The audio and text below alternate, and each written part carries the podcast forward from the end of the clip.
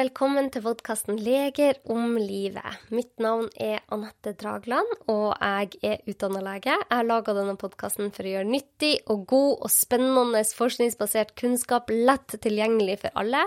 Fordi jeg mener at ikke all denne nye kunnskapen skal bare være forbeholdt de som går på konferanser rundt om i verden, men at hver og en av oss skal ha mulighet til å få den.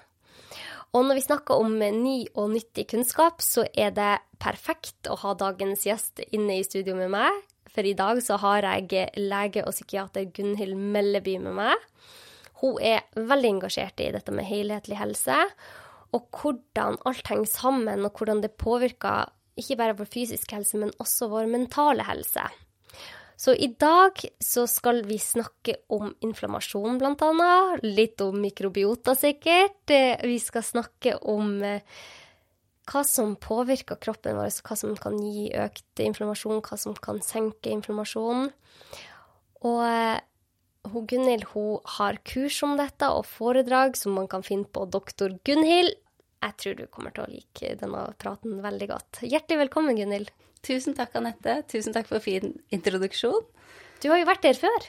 Ja. Vi blir ikke ferdige å snakke om disse temaene, for de er, det er så spennende, mm. og så er det så svært. Det er så stort tema. Mm, det det. Og etter episoder med deg så får jeg så masse positive tilbakemeldinger. Folk som sier sånn 'Dette er så spennende. Inviter henne tilbake. Jeg vil vite mer. Hvordan mm. kan jeg ta prøver?' Altså, mm. jeg får så masse spørsmål.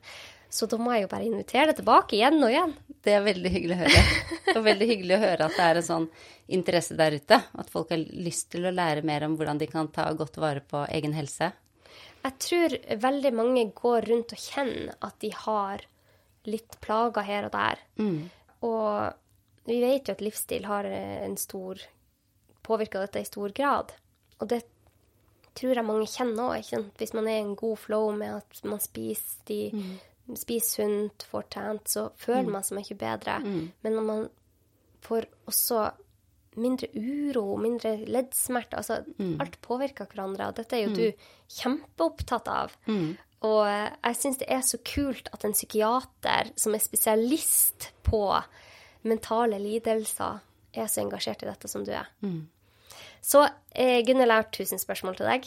Vi bare begynner på. Mm. Du har fortalt historien din før, men mm. kan du fortelle hvorfor ble du så interessert i akkurat dette? For du var jo dypt nedi i mental helse og hjernen, og hvordan ble du opptatt av å se helheten?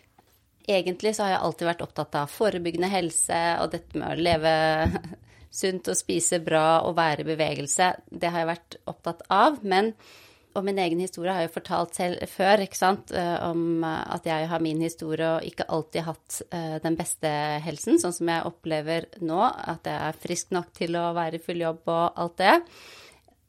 Men så er det jo også det Min egen historie er jo én ting, men så er det jo også pasientenes historie, som jeg har sett gang på gang, og hvordan da jeg gikk fra allmennmedisin til psykiatri, og øh, hvordan jeg la merke til ikke sant, Når man er på en uh, psykiatrisk uh, døgnpost, så er det overraskende mange av de som er innlagt der pga. en eller annen psykisk lidelse, som også har en somatisk uh, lidelse, og veldig ofte autoimmune sykdommer. Så mm. det Vi kaller det jo komorbiditet liksom på legespråket. At det, ofte så kommer det andre sykdommer samtidig. Og så tenker man ikke så mye mer over det. Man behandler diabetesen og det lave stoffskiftet liksom hver for seg, og mm. så behandler du den psykiske lidelsen for seg. Mm.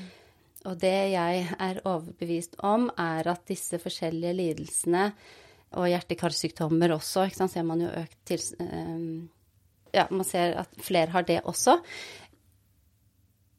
Og det jeg er opptatt av, er at jeg tror det er en felles årsak til at disse forskjellige lidelsene dukker opp. At det kommer av en eller annen uh, felles grunnleggende ubalanse i mm. kroppen. Mm. Og det kan handle om en sånn type lavgradig inflammasjon, f.eks., mm. som vi kanskje skal snakke mer om etterpå. Og, uh, så, så, dette med helhetlig tenker jeg at vi kommer ikke utenom, fordi at uh, vi vet jo at det vi spiser, det påvirker eh, mikrobiotaen vår, altså tarmfloraen vår. Tarmfloraen vår påvirker immunsystemet vårt. Immunsystemet påvirker hjernen, hjernen påvirker tarmen. ikke sant? Det er et sånt system som, mm. som uh, går frem og tilbake og avhenger av hverandre. Og derfor så tenker jeg at ved å på en måte gå inn og prøve å lage en så solid grunnmur som mulig, hvis man ser for seg det, da. Mm. Med eh, gode livstiltak så vil man uh, ha et mye bedre utgangspunkt for å få så god helse som mulig. Mm. Både fysisk og psykisk, for dette henger veldig tett sammen. Mm. Og vi har jo hatt en tradisjon de siste tiårene ved å tenke, eller kanskje de siste hundre år òg, veldig sånn dualistisk på dette med psykisk og somatisk lidelse, at det er to atskilte ting. Men hodet og kroppen henger veldig tett sammen, og vagusnerven er jo den nerven som virkelig binder hodet sammen med, med kroppen og alle organene. Så mm. vi kommer ikke utenom at helhetlig tilnærming til god helse, det er like viktig både for hodet og kroppen vår. Mm. Mm. Ja, det er så godt sagt. Jeg er helt enig. Og det er det jeg syns er artig, fordi at nå har forskninga tatt igjen det her. Det, det dualistiske synet mm. viskes gradvis ut nå, mm. fordi at det, det viser bl.a. at mentale lidelser er så kobla til vår fysiske helse at man kan mm. ikke skille de. Mm. Og nei, jeg er veldig glad for at vi snakka høyt om det, for at det, det, er sånn man kan få det bedre. Mm. Men Gunhild, nå har vi nevnt inflammasjon. Mm. Og hva er egentlig inflammasjon? Mm. Inflammasjon er jo egentlig et av kroppens viktigste forsvarsmekanismer. Så uten inflammasjon så overlever vi ikke veldig lenge. Så det er jo immunsystemet vårt som kan skape en uh, inflammatorisk uh, respons eller aktivering når kroppen vår er trua på en eller annen måte. Da. Så hvis vi f.eks. får et uh, kutt i hånden, eller f.eks.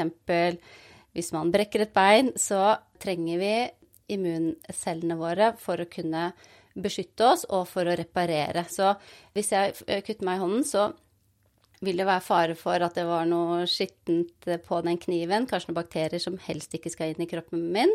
Og dessuten så må jo det såret gro. Så det som skjer da, er at uh, immuncellene ser at her skjer det noe galt, sender ut signaler sånn at det kommer flere hvite blodceller til, som er en del av immunsystemet vårt. Og så får vi da en eh, lokal inflammatorisk respons her som reparerer dette såret, passer på at det ikke kommer noe uønskede inntrengere inn. Og så blir vi reparert, så blir vi friske igjen. Mm. Og det skjer også hvis vi spiser noe um, dårlig mat eller et eller annet som er infisert med noe, så vil vi få en inflammatorisk respons, sånn at vi kan bli friske igjen. Så det er egentlig inflammasjon. Ikke sant? Så det er en god ting. Eh, det blir økt eh, hvite blodceller i omløp mm. som ser at her er det noe farlig, her må vi mm. reparere. Yes. Mm. mm. Men hvorfor har man da lavgradig betennelse, eller lavgradig inflammasjon? Ja, så inflammasjon er jo egentlig det samme som betennelse. Ja. Det er jo det norske ordet. Men vi bruker ofte inflammasjon. Jeg føler at det er litt mer spesifikt. Ja. Og den lavgradige inflammasjonen, det forekommer hvis det hele tiden er noe som trigger immunsystemet vårt, og så får vi en sånn litt uhensiktsmessig hele tiden forhøya inflammatorisk respons. For det, det, som er naturlig, er at vi får en infeksjon, kroppen prøver å forsvare den, vi får en inflammatorisk respons, og så går den tilbake til hvile. Problemet blir når den inflammasjonen er høy over tid og aldri går tilbake til hvile. Da kan det skape sykdom, og vi kan bli slitne. Og årsaker til at um, vi kan få en sånn lavgradig inflammasjon, det er mange forskjellige ting. Eh, men vi vet nå at eh, det vi spiser, er veldig viktig, for det påvirker tarmfloraen vår.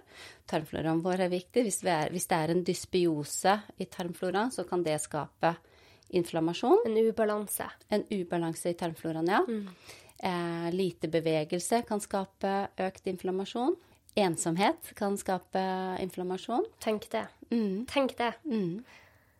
Og ikke minst eh, dette med traumer, negative opplevelser, kan også skape inflammasjon. Altså at man lettere trigger inflammasjon. Da. Og det er kanskje også årsaken til at man ser at eh, folk med alvorlige traumer i historien har større sjanse til å utvikle autoimmune sykdommer. Veldig ofte så tenker vi på at traumer det leder til psykiske lidelser, men det er vel så mye til autoimmune sykdommer. Ja. Apropos det jeg sa i stad, med helhetlig. ikke sant? Sånn at det, så øh, tenker man ofte at man skal behandle psykiske lidelser med psykoterapi og autoimmune sykdommer med medisiner, altså somatiske medisiner. Men øh, så kan man faktisk da behandle autoimmune sykdommer også med, hva skal jeg si, tiltak som roer nervesystemet, kanskje gå inn og se på de traumene, ikke sant, traumeterapi, sånn at det Det, det henger så sammen. Ikke sant? Jeg så òg en studie, Mm. jeg tror den Jeg husker ikke om det var fra Canada, men der hadde de sett på en gruppe menn som har vært utsatt for eh, overgrep som barn. Seksuelle overgrep som barn. Mm. Og så så de at de hadde en mye større sannsynlighet eller risiko Mm. for å få hjerte-karsykdom når de var voksen. Ja. Selv når man tok høyde for livsstil, alt det her, røyking, ja. Mm. eh, vekt, eh, eh, ja, matinntak Mm. Når man luka ut alt det der og bare så en, en mann som har gått gjennom en sånn traume, Mm. en mot en som ikke hadde, så hadde den som hadde trauma, mye høyere risiko for å få hjerte-karsykdom. Mm. Ja, det forteller alt om hvordan nervesystemet Mm. har blitt påvirka fra ung alder.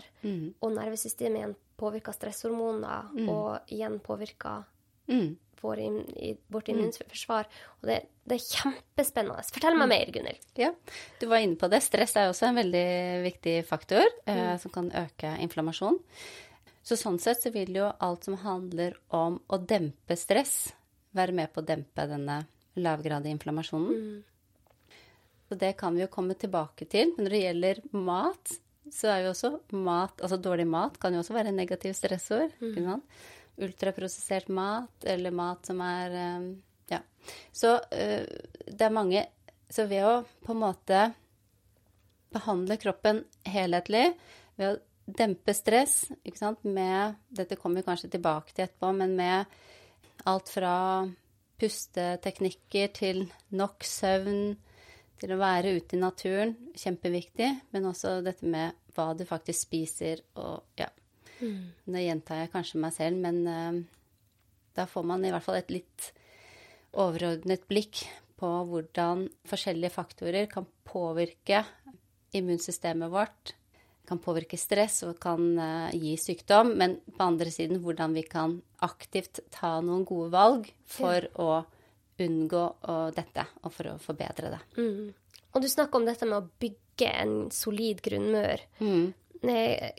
Hva skal til for å bygge denne solide grunnmuren?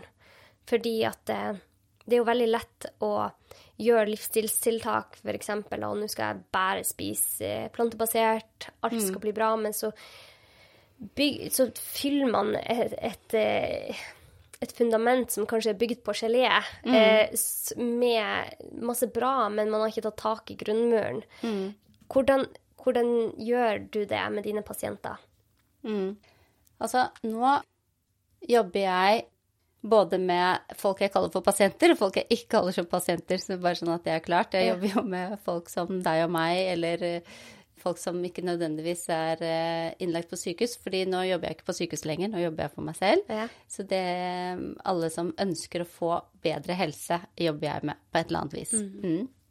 Og, Og da eh, ser man jo også veldig mange ulike personer ja. med ulike utfordringer. Mm. Men Gunhild, Mm.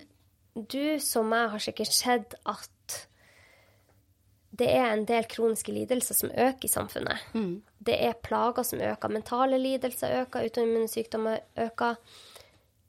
Hvorfor tror du det er sånn? Jeg tror at det handler om måten vi lever på, og det er flere faktorer som spiller inn. Og nummer én tror jeg er maten vi spiser.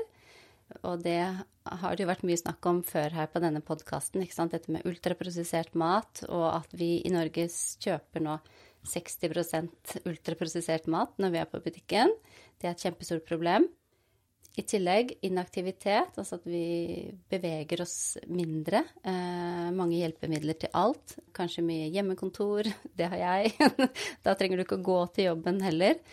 Ensomhet, som vi var inne på, tror jeg er med på å øke dette.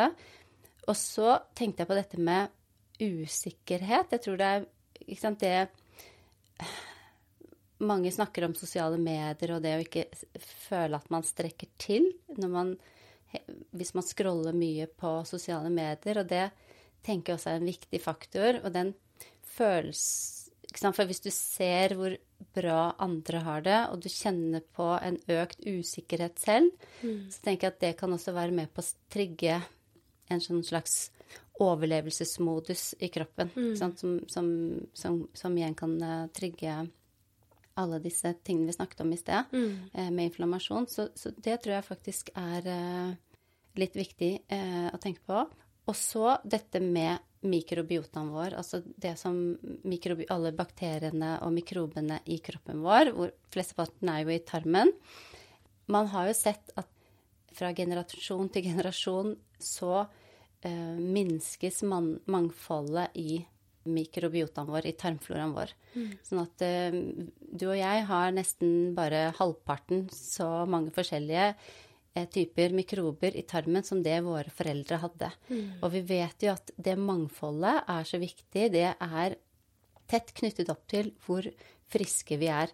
Det så man jo i The American Gut eh, Project, hvor man sammenlignet avføring ja, blant veldig mange mennesker, så så man på hvor stort mangfoldet av bakterier var opp mot hvor frisk man var. Jo flere bakterier man hadde, jo friskere var eh, disse personene.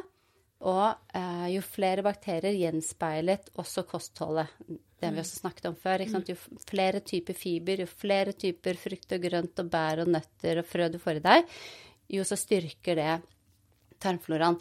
Men det er jo også mange andre ting som gjør at vi har eh, redusert eh, tarmflora. Det har med hvordan vi blir født, det har med antibiotikabruk, og det har med ikke minst jordbruk å gjøre. ikke mm. Altså, eh, vi bruker plantevernmidler, vi bruker kanskje kunstig gjødsel istedenfor. Sant? Så det er jo også da mindre mikrober i jorda, ikke sant, i plantene. Mm. Og de har den samme symbiosen med sine bakterier, sånn som vi har i tarmen vår. Vi er helt avhengig av gode bakterier i tarmen vår for at kroppen vår skal fungere godt. Ja. Og sånn er det med plantene òg. Hvis du ser for deg røttene som stikker ned i jorda, som sånne små røtter som går ned i jorda, så er disse røttene eh, i symbiose med mikrober rundt. Så det lever mikrober langs disse røttene til disse mm. plantene.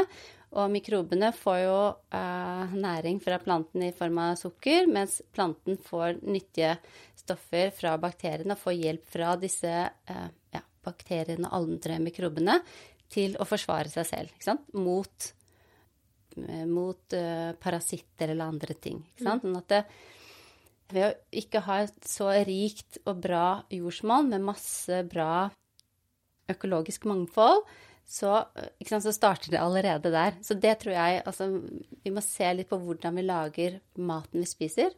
Både plantene, men også dyrene. ja, også hvordan barn får grave i jord, ikke sant. For ja. det gjorde man jo før i tida. Ja.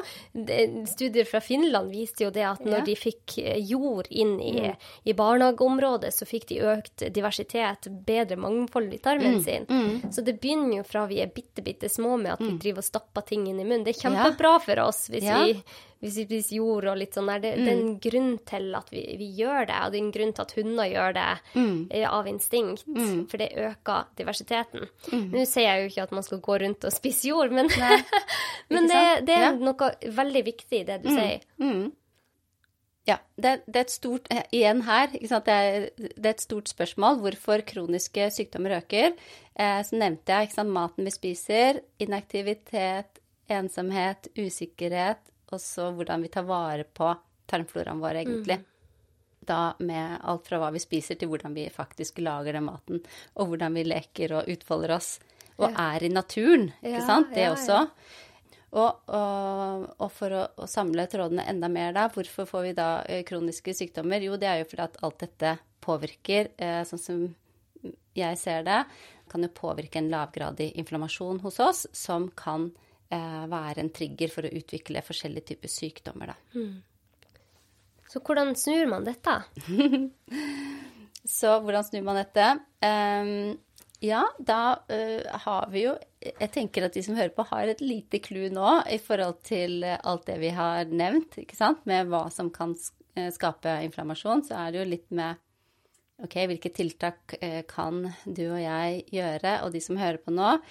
Og det er jo først og fremst å tenke at man skal leve for å få en så sunn og god tarmflora som mulig. Mm. Og leve for å dempe unødvendig negativt stress. Eh, hva slags tanker man tenker, påvirker også eh, hvordan eh, alle disse Altså tankene våre påvirker eh, hvordan immunsystemet er, og tarmene fungerer. Ikke sant? Mm. Så, så det å gå fra litt sånn overlevelsesmodus til å mm, være litt mer i Leve litt mer i balanse, tenker jeg er veldig viktig. Roe stresshormonene. Mm. Ja. Så det er et veldig vanskelig spørsmål, merker jeg, å svare på med, med, med ett svar. Hvordan skal man få det bedre? Og jeg har jo laget et konsept eh, som jeg kaller for Dr. Gunhilds grønne resept. Og der Det er jo for å lage en liten oversikt for meg selv og for de jeg hjelper. Hva skal vi ha fokus på for å få det så bra som mulig? Og da er det fire hovedfaktorer der, og det er sant, en antiinflamatorisk livsstil.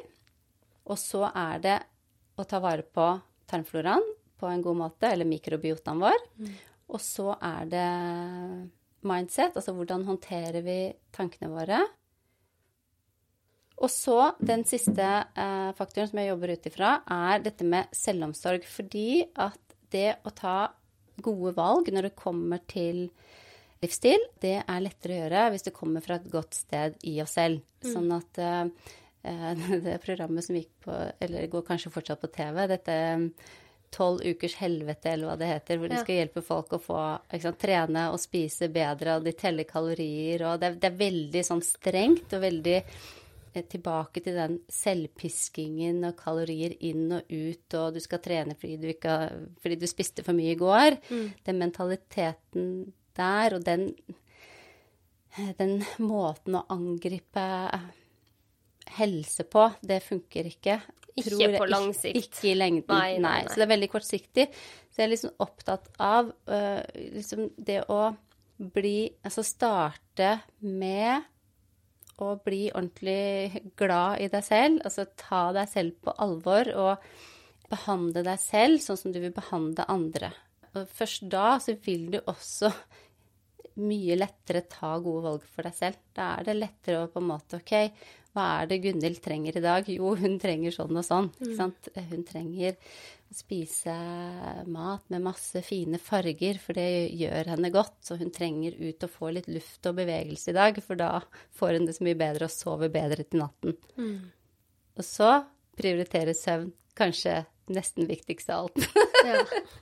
Ikke, men det henger jo ja. sammen. Det er vanskelig å sove godt hvis man har det veldig stressende i livet. Mm. Mm. Eh, jeg pleier å si at god søvn begynner ikke på natta, den begynner på dagen. Mm. Fordi at dette henger seg sammen. Mm. Det er ikke bare sånn å si OK, nå skal jeg prioritere søvna, eller nå skal jeg begynne å spise godt. Det er akkurat som du sier. Mm. Man må finne ut av hva er det man først og fremst trenger her, og så mm. bygge stein for stein. Det har jeg trua på. Det har jo vi begge to mm. sett i våre to mm. liv, eh, hvor viktig det har vært å bygge god helse stein for stein. Absolutt. Men eh, det jeg tenker at for jeg er litt nysgjerrig på hvordan dette spiller inn, hvordan informasjonen spiller inn på kroppen vår. Hvordan påvirker det systemene? Hvordan påvirker det hjernen vår? Ja, og det er jo litt spennende hvordan det påvirker hjernen. Det har vi ikke snakket så mye kanskje om her før, lite grann. Og det som um, Det man ser, da, er at um, Jeg kan jo vise til den boka som jeg leste for eh, det er kanskje et år eller to siden nå, som heter The Inflamed Mind. Han som har skrevet den, heter Edward Bullmore.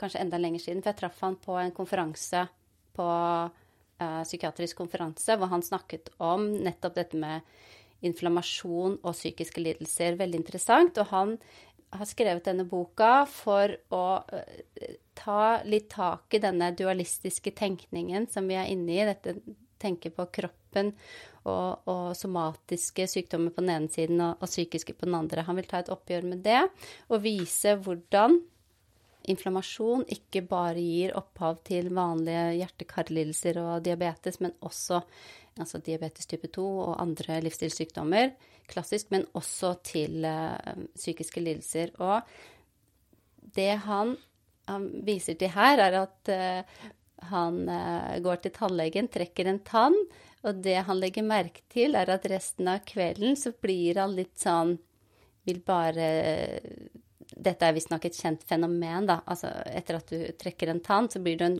sant, kortvarig inflammasjon. Og hvis man da eh, har anlegg for å få depresjon, f.eks., så vil man kunne få en sånn kortvarig depressiv eh, tilstand. Oi! Ja. Og du vil ikke tenke på det som depresjon, men det er mer sånn der du får lyst til å trekke deg litt tilbake, være for deg selv, litt sånn eh, ja. ja Ligge under dyna og slappe av. Ja, ja, ikke sant.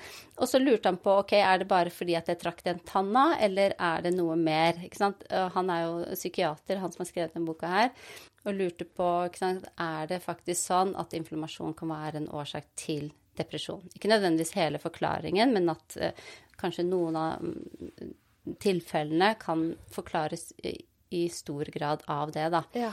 Og så har man jo gjort masse studier, da, eh, og blant annet så, så vil man jo først og fremst se på om det er en sammenheng sant, med inflammasjon og depresjon. Og det har man absolutt sett, og da viser han bl.a. i en studie fra eh, København, hvor eh, jeg tror det er fra 2013. 70 000 mennesker som er med i den studien, hvor man helt vanlige borgere i København ser på CRP-nivå og opp mot mer sånn depressive tanker. Litt sånn du føler deg litt nedfor, ting er litt vanskelig, jeg får ikke ting til. Sånne litt sånne depressive tanker hvor de fyller ut et skjema og, og har um, det er sånn man måler depresjon, da, med ja. eget skåringsnivå. Eller skåringsskjema. Og det man ser, er at det er absolutt en sammenheng, men det er jo ikke noe skyhøye tall det er snakk om. Så det er jo lavgradig. Eh, så CRP man, Det er litt forskjellig fra lab til lab, men den skal være under tre. Noen ganger så er det under fem, som, som kan være normalt. Ja. Men alt over tre mest sannsynlig er en lavgradig inflammasjon. Men det er jo ikke spesifikt for depresjon, så du kan ikke bruke det. Ikke det kan jo være andre ting. Det kan jo være maten du spiser som skaper det. Man vet jo ikke om Eh, ja, så, så, selv om man så den sammenhengen, så, så, var det vanskelig å si Så man så en sammenheng mellom de som gikk med Frøya CRP, hadde økt eh, risiko for å ha eh, mentale plager? Ja, nemlig. Det er helt riktig. Og så lurer man jo på uh, Men det sier jo ikke noe om kausalitet, ikke sant? Nei, om, nei. om CRP-en fører til Altså inflammasjonen fører til depresjon, eller om depresjonen gjør at man får høy CRP. Ja. Så det vil man jo se på. Og da det, er det gjort et par studier i England. En som er gjort på barn, hvor de har fulgt barn fra 9 års alder opp mot 18 års alder. Denne studien er fra 2014. Og da så man på cytokinnivå, altså Cytokiner er jo sånne inflammatoriske stoffer som slippes ut i kroppen når det er en inflammasjon. Ja. Det er mange forskjellige typer. Mm -hmm. De fleste har kanskje hørt om cytokiner nå etter at man har snakket om uh, covid-19 og cytokinstorm og sånn. Ja. Men i hvert fall når det er mye cytokiner i blodet, så er det et tegn på at det er en inflammasjon. Og da så man på barn allerede fra de var 9 år, også når de var 12 år, og når de var 18 år. Og det man så, var at de barna da de var 9 år, Ingen av de var deprimerte da. De had, noen hadde forhøyet cytokinnivåer. Og det man så, var at det var veldig stor sannsynlighet, eller mye større sannsynlighet, for at de som hadde høyt cytokinnivå i niårsalder, hadde depresjon ved 18-årsalder. Så, så, der kunne man se en kausalitet, mm. altså at det var årsakssammenheng. Mm. Og så er det gjort en annen studie også i England, da, med eldre eh, folk, 60 års alder, og hvor man fulgte de også, også opp over tid, da. Fra 2004, 2008, 2012. Og da så man også dette med økt eh, Da målte de CRP. Økt CRP i 2004 ga høyere sannsynlighet for depresjon hos disse menneskene i 2012. Og det var større sannsynlighet dersom du var kvinne også. Ja, tenk det. Mm. Eh, Og så har man sett på sant, hva er mekanismene. Da har man jo mest eh, dyre studier å vise til. Og det man har sett der, er at nerveceller som blir utsatt for disse cytokinene, de dør lettere, de regenereres ikke så, eh, så godt. Og disse nervesignalene, eller de synapsene, de danner Altså kommunikasjonen mellom nervecellene i hjernen, de, de dannes ikke så raskt da, når du skal lære deg nye ting osv. Hvis man har økt cytokin. Hvis man har økt cytokinnivå. Så Tenk det. Mm. Det er ganske vanvittig. Mm. Så eh, her igjen, vi ser at det, påvirker, det fysiske påvirker det mentale i stor grad. Mm, det gjør det. Hvordan ellers påvirker lagrad i informasjon oss? Ja.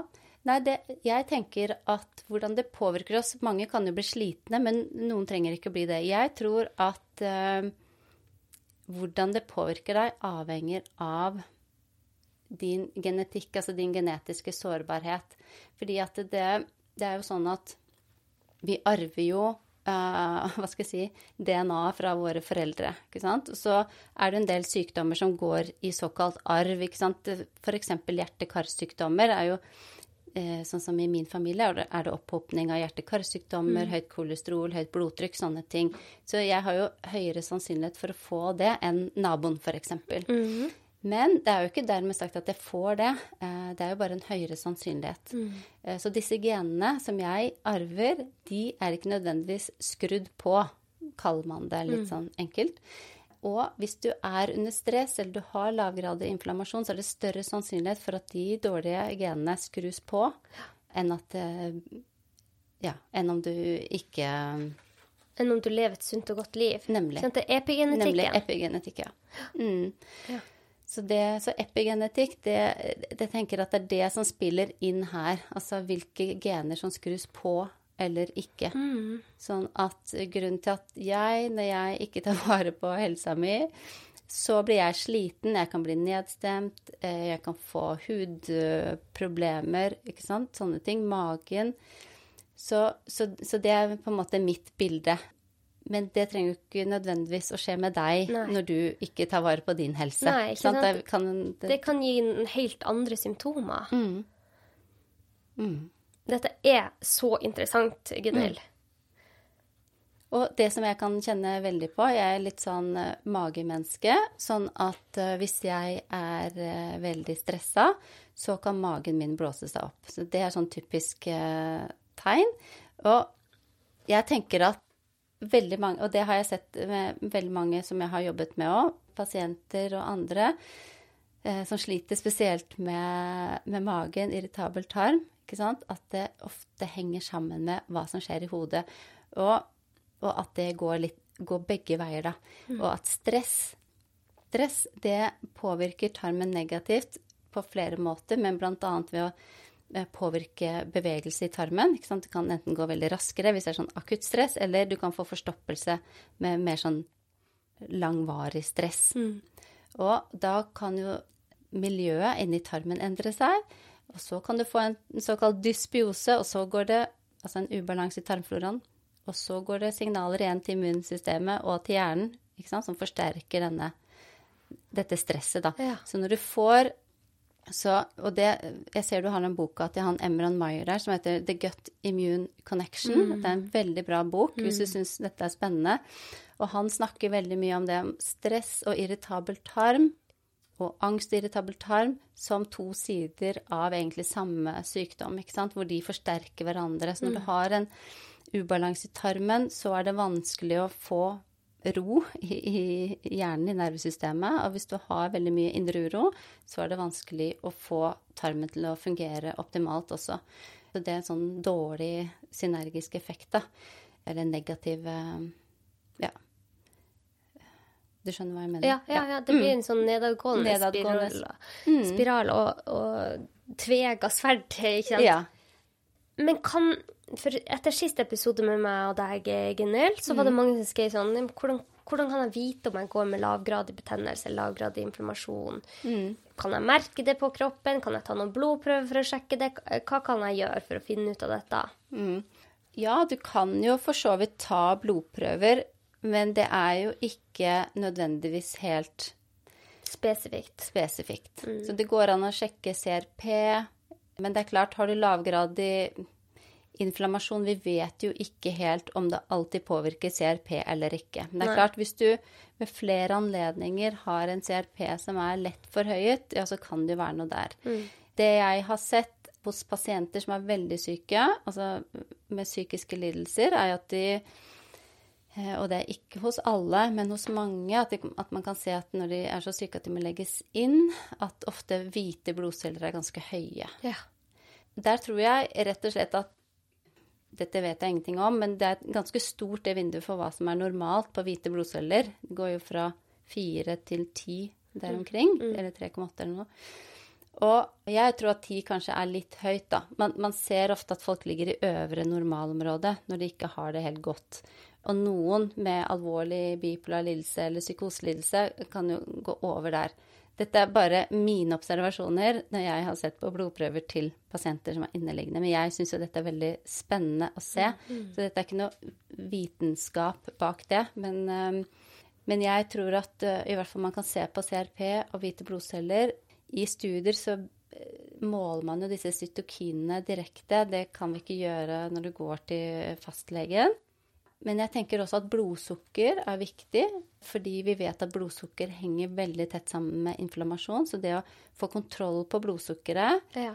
eh, måle fastende blodsukker, fastende insulin, sier veldig mye. Vi vet jo at blodsukkeret også øker jo hvis du har stress, langvarig stress, så kan du jo, selv om du faster fra morgenen av, så kan du ha ganske høyt blodsukker bare fordi at kroppen er stressa. Ja. Og da er det ikke sikkert at morgenfast er det, det lureste valget. Mm. så her også er det mange ting man må se på. Nå finnes det jo sånne eh, CGM, sånne eh, kontinuerlig glukosemålere man kan ta hvis man Ja. er interessert, men det Feste på armen. Ja.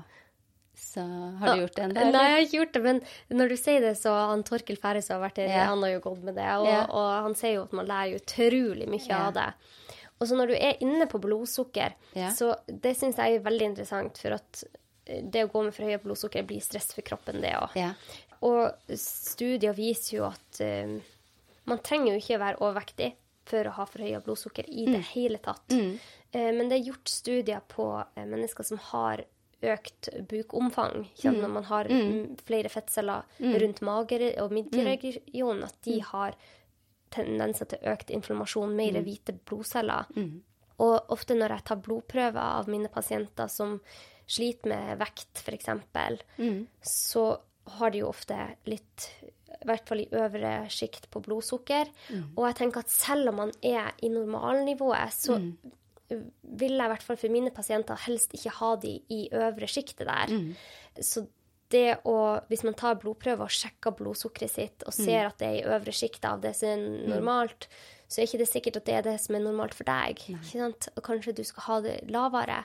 Man kjenner på kroppen om man jeg jeg tenker at Man trenger ikke å ta noe som helst blodprøve hvis man føler seg bra og frisk og er fornøyd. Jeg får mange spørsmål fra Ja. lyttere også som sier sånn, Ja. trenger jeg kl- pulsklokke når jeg har det bra. Nei, det trenger du ikke.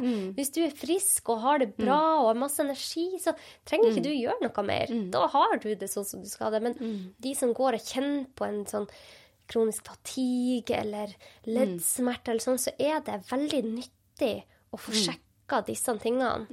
Tatt med de mål for å se om man har kanskje økt eh, fettceller i bukområdet som kan skape inflammasjon. Se på blodsukkeret, er det i øvre sjiktet?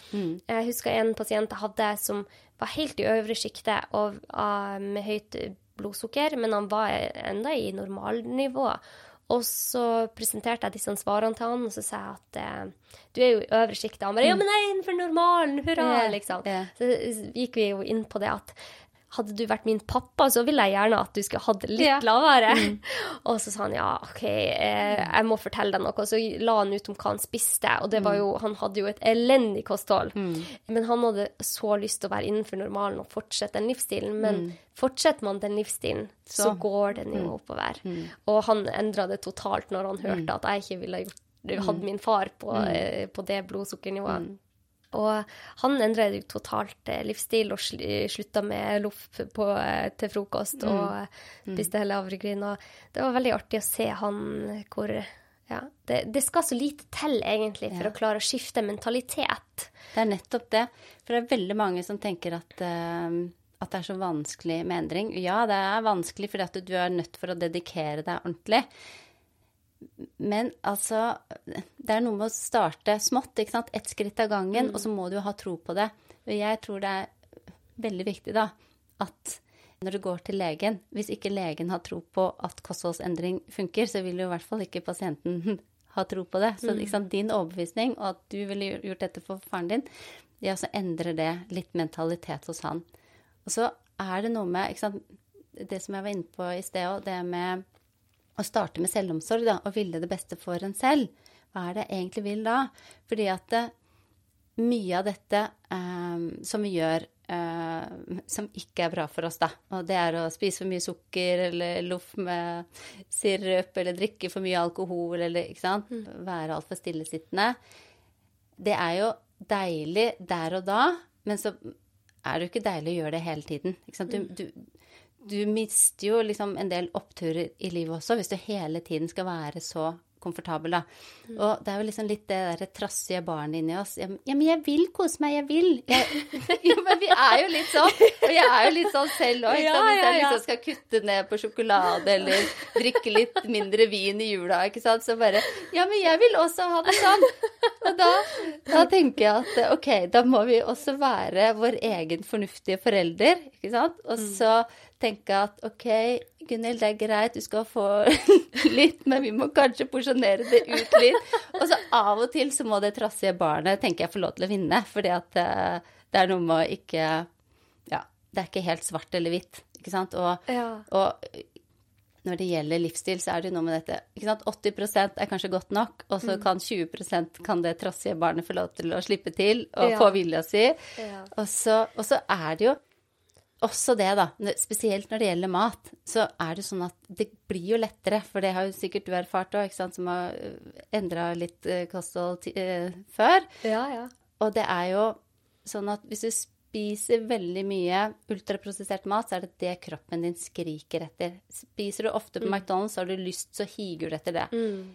Og hvis du slutter å gå på McDonald's, så slutter du å få lyst til å gå på McDonald's. Altså, sånn er det, og man tror jo at det har med disse fantastiske bakteriene i tarmen vår, ja. som faktisk påvirker hva vi har lyst til å spise. Ja, og Mm. Og det der syns jeg er så morsomt, for jeg husker så godt når jeg var 16 år og flytta til USA, og gikk fra et råvarebasert kosthold med mm. min mor som kokk, og mm. vi spiste sunt, til å spise Altså, jeg tror jeg spiste 95% ultraprosessert mat det året. Mm. Og eh, jeg hadde jo aldri spist mye av det, men mm. til, etter hvert så fikk jeg jo så craving på litt sånn ja. mat. Mm. Og til lunsj så hadde vi eh, Det var forskjellige typer lunsjer som var plassert ut, men alt var jo ultraprosessert. Og det var noe som heter eh, fried cheese sticks. Og det var det beste du kan tenke deg. Jeg spiste det hver dag nesten. Ja. Fried cheese sticks. Ja. For det smaker så godt, og man får så lyst på det. Og nå når jeg tenker på det, så får jeg helt sånn Å, herregud, jeg, jeg klarer ikke skjønne at jeg klarte å spise det i Nei, ikke sant? For at jeg har sannsynligvis et helt annet mikrobiom mm. som skriker etter andre ting. Mm. Men man skal ikke la seg lure av bakteriene sine. Nei, For det er ikke alltid det du craver som du trenger. Nemlig. Og det gjør det også lettere, for hvis du da har et elendig kosthold i dag, så vet du at liksom, ved å legge gradvis om, så vil de nye vanene være det du ønsker å fortsette med. Og da er det ikke tolv ukers helvete lenger. Nei da. Nei, Gunhild, de der mm. deltakerne på tolvukers, de skulle heller ha kommet ja. til oss, og så ja. skulle vi ha hjelpa de. Da skulle vi hjulpet så hadde de ja. sluppet tolv uker med helvete. For det trenger ikke være det. Det Nei. kan egentlig være veldig bra og trivelig hele veien, og det er det vi ønsker at det skal være. Og så Ja, nei, det, det, må komme fra et godt sted. Da Da gjør mm. man gode valg mm. når det kommer fra et godt sted. Mm. Og jeg er helt enig med deg.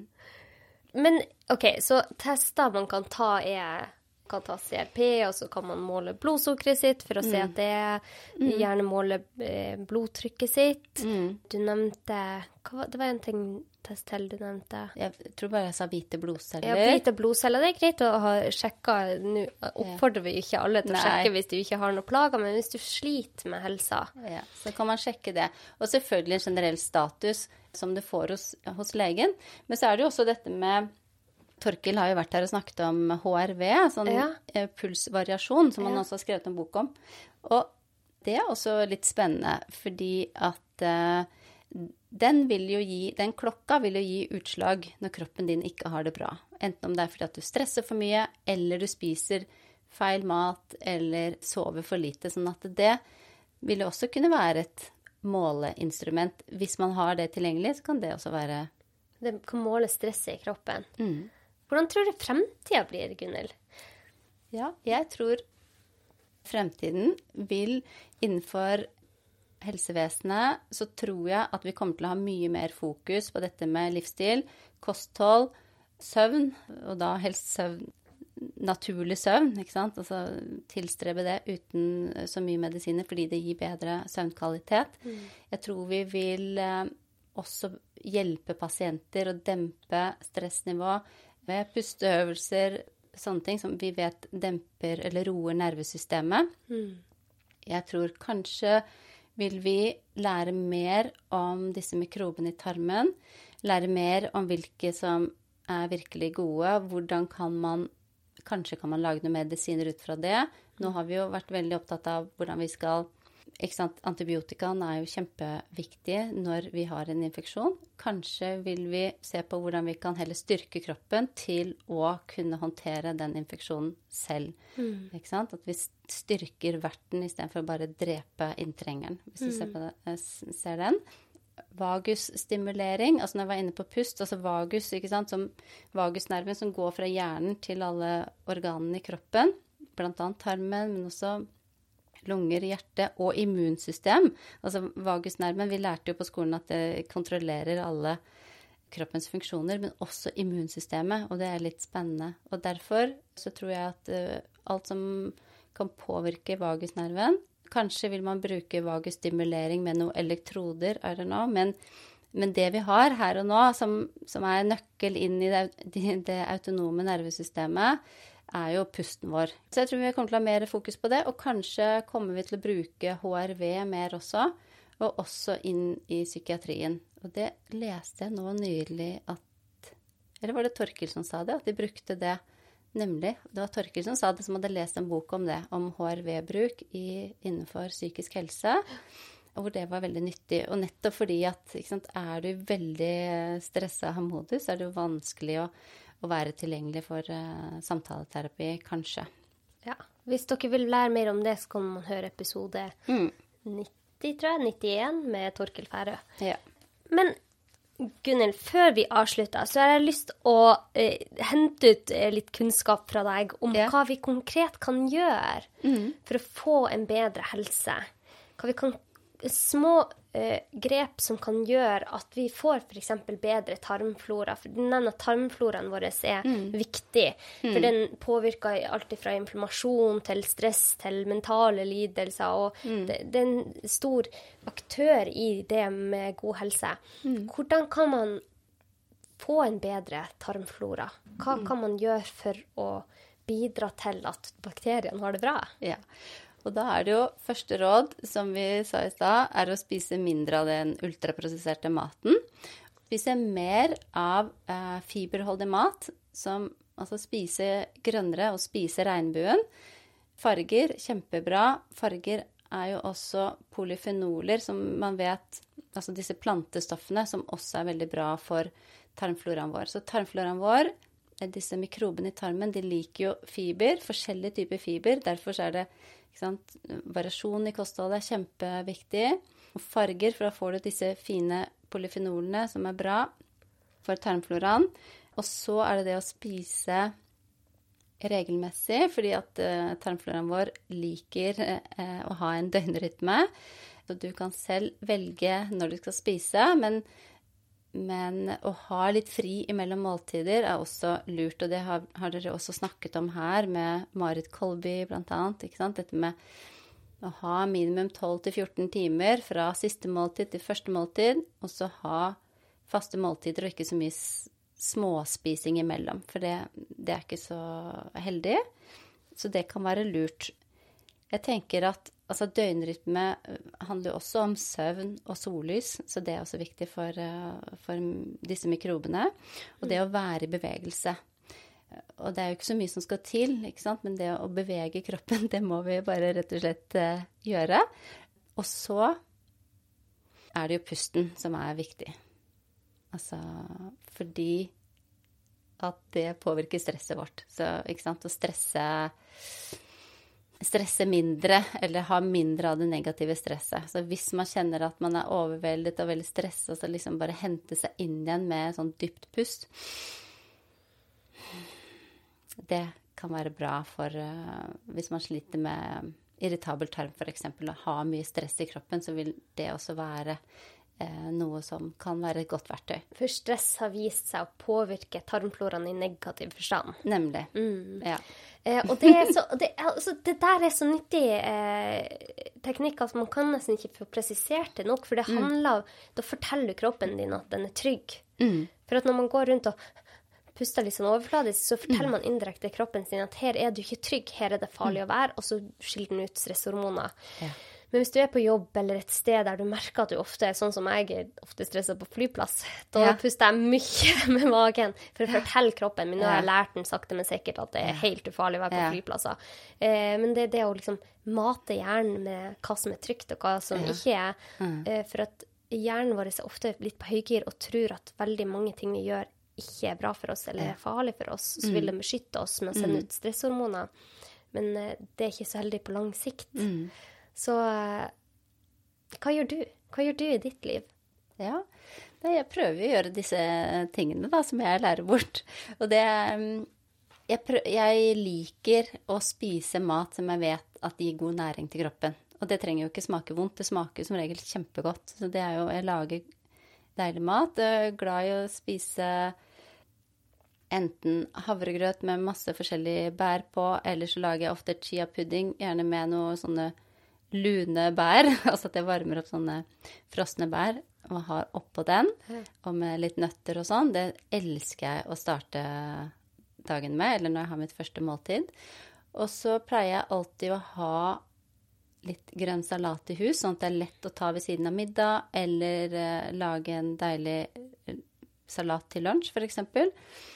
Og av og til så lager jeg kanskje en grønn smoothie bare for å få inn masse bra ting i den smoothien.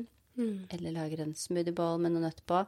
Så sant, jeg velger mat som er enkel å lage, og som jeg vet gir meg masse gode næringsstoffer, forskjellige typer farger, så det er fokus der.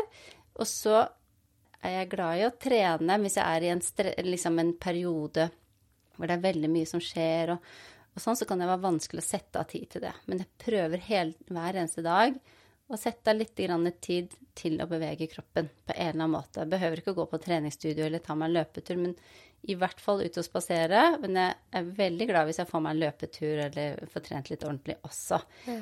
Men det kan også være sånn små øvelser hjemme i stua, ikke sant. Mm. Sånn, så jeg legger lista liksom der hvor jeg er til enhver tid. Det er vel egentlig Man må ikke legge lista for høyt. Ja. Hvordan gjør du det med stress i livet ditt? Mm.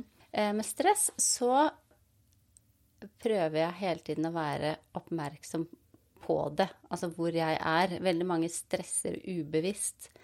Og det har nok jeg også gjort eh, tidligere, men nå oppdager jeg det veldig fort, og jeg liker ikke å være der. Altså, det er som du sa, hvor man puster overfladisk. Og da bryter jeg det med å ta noen dype pust, og så prøver jeg da å hente meg inn og være mer tilstedeværende i øyeblikket. Mm. Det høres uh, sikkert litt rart ut eller overfladisk ut å si det, men det, det funker veldig uh, godt. Og det gjør at man har det mye bedre. Mm. Man får en bedre dag. Og man får mer gjort òg enn når man er uh, i stressmodus for lenge. Men det skal sies at stress er jo kortvarig. Kan det være fint for å få gjort ting unna og være effektiv, men ikke sant I forhold til stress er det det jeg gjør. At jeg tar noen dype pust, tar noen sånne mikropauser. F.eks. i en kø på butikken hvor uh, man ellers kanskje irriterer seg over at det tar lang tid, så kan jo det være en veldig fin anledning til å ta noen dype pust. Så roer man seg ned. mm, ja, ja, ja. Mm. Vi har hatt en kjempefin samtale. Jeg er veldig glad for at du deler mer om dette med inflammasjon. Og man kan nå eh, Gunhild på Dr. Gunhild på nett, ikke sant? Der har du kurs og foredrag. Mm, det er gunhild.no. Og så på Instagram, hvor kan man nå det? Det er Dr. Gunhild, det er Gunhild. Og på Facebook er det det samme. Jeg har lyst til å spørre deg et siste spørsmål. Mm. Du har gått fra for ti år siden, eh, ti-tolv år siden, så var du så langt nede som du kunne være. Mm. Med dårlig helse, mye betennelse i kroppen. Hadde det vanskelig til å være ei dame med glød og eh, godt humør og masse energi. Mm. Eh, men du har jo opplevd mange ting. Mm. Hva tenker du at hvis du måtte reise fra denne planeten i dag, mm. og det var bare tre råd eller sitat eller ting som sto igjen hva, hva ville du ville du at skulle være de tingene som sto igjen etter deg, som kunne gi andre noe godt i, i sine liv? Å, det var et vanskelig spørsmål. Jeg ville si ta godt vare på deg selv, og bruk tid på de viktige menneskene i livet ditt. Eh, vi vet at ensomhet ikke er bra for oss, og det å ta vare på de gjør at du ikke blir ensom. Og så vil jeg si at ta så godt vare på kroppen din som, eh, som du kan. For det er den du skal eh, slite med og ha det bra med hva skal jeg si, resten av livet. Ja, mm. mm. det er kjempefint.